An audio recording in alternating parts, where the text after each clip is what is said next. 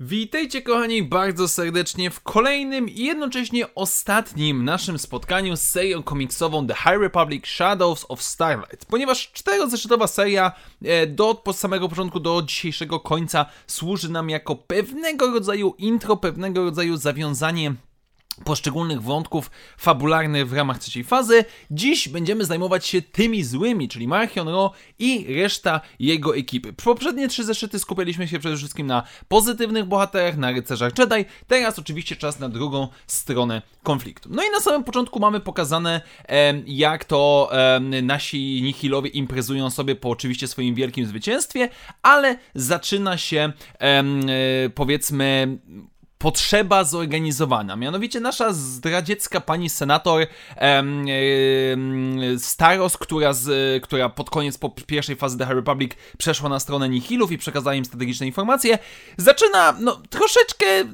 zawracać dupę, można by powiedzieć, Marchionowi Ro, jak to trzeba zorganizować e, nasze państwo, że no ile można imprezować, że tutaj w pewien sposób trzeba rządzić, e, czego Marchion właściwie chcesz od życia i tak dalej, i tak dalej i powoli systematycznie stara się go urobić w swoją stronę, e, żeby w jakiś sposób coś zorganizować. No ale Marchion nie jest zbytnio tym zainteresowany i kontynuuje swoje działania przede wszystkim związane z napadaniem grabieżą i trafiamy na planetę Sarumo, która jest ciężko ufortyfikowana i czeka ciężka walka naszych, e, naszych powiedzmy nihilów, ale tutaj pojawia nam się przyszła e, doradczyni, czy pani generał e, czyli Abedia Weiss. E, pani generał, którą poznaliśmy w drugiej fazie The High Republic, która miała niedokończone sprawy, które ma niedokończone sprawy z Porterem Engelem, która tutaj zdradza swoje miejsce, powiedzmy, można nazwać to emerytury e, i postanawia oddać to miasto e, bez praktycznie walki w ręce Marchionaro E, mówiąc mu, że wierzy w to, że on jest tym zwycięzcą, jak i również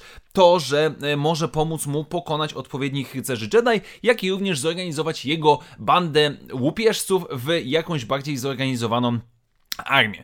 Natomiast kolejna część historii opowiada nam o tym, jak to z e, republikańskiego więzienia odbitego przez e, Nihilów zostaje wyciągnięty Baron Bulan. E, jest to postać, która pojawiła nam się tylko i wyłącznie przez chwilę w drugiej fazie The High Republic.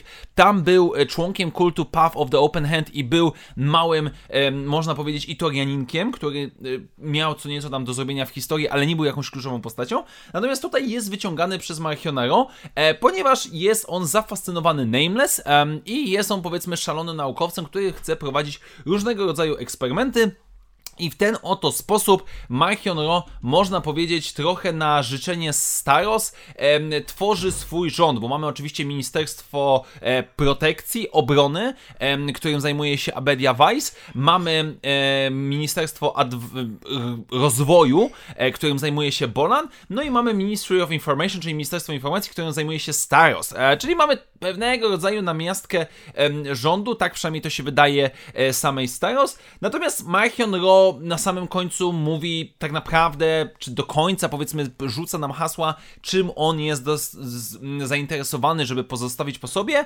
No i mówi on, że conquest and destruction, czyli podbój i zniszczenie.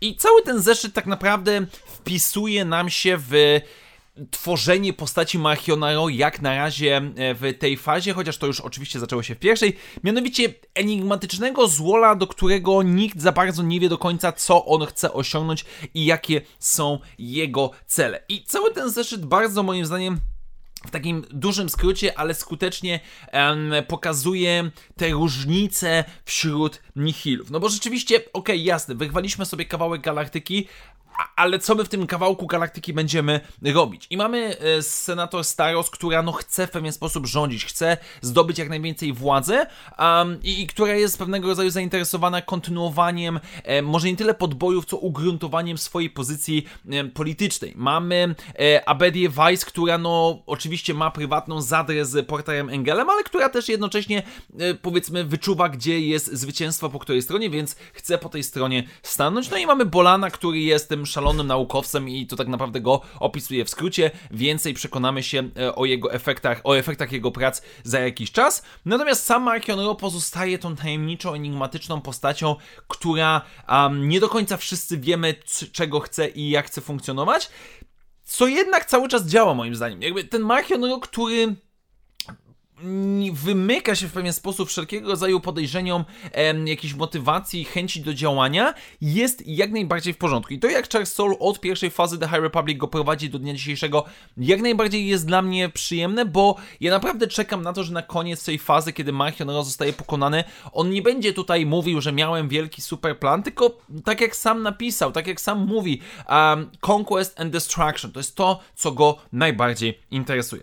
Tak więc, moi drodzy, Shadows of Starlight się kończy bardzo spoko prolog e, i łącznik w początkowej fazie, początkowym etapie powiedzmy tej trzeciej fazy, którym naprawdę warto się zapoznać, jeżeli ktoś chce być na bieżąco jak najbardziej z tymi dotychczasowymi wydarzeniami. Tak więc dziękuję Wam bardzo serdecznie moi drodzy za dzisiejsze spotkanie. Standardowo przypominam, że jeżeli podoba się to, co robię na kanale, możecie wesprzeć moją działalność, stawiając mi wirtualną kawę, do której link znajdziecie w opisie tego materiału.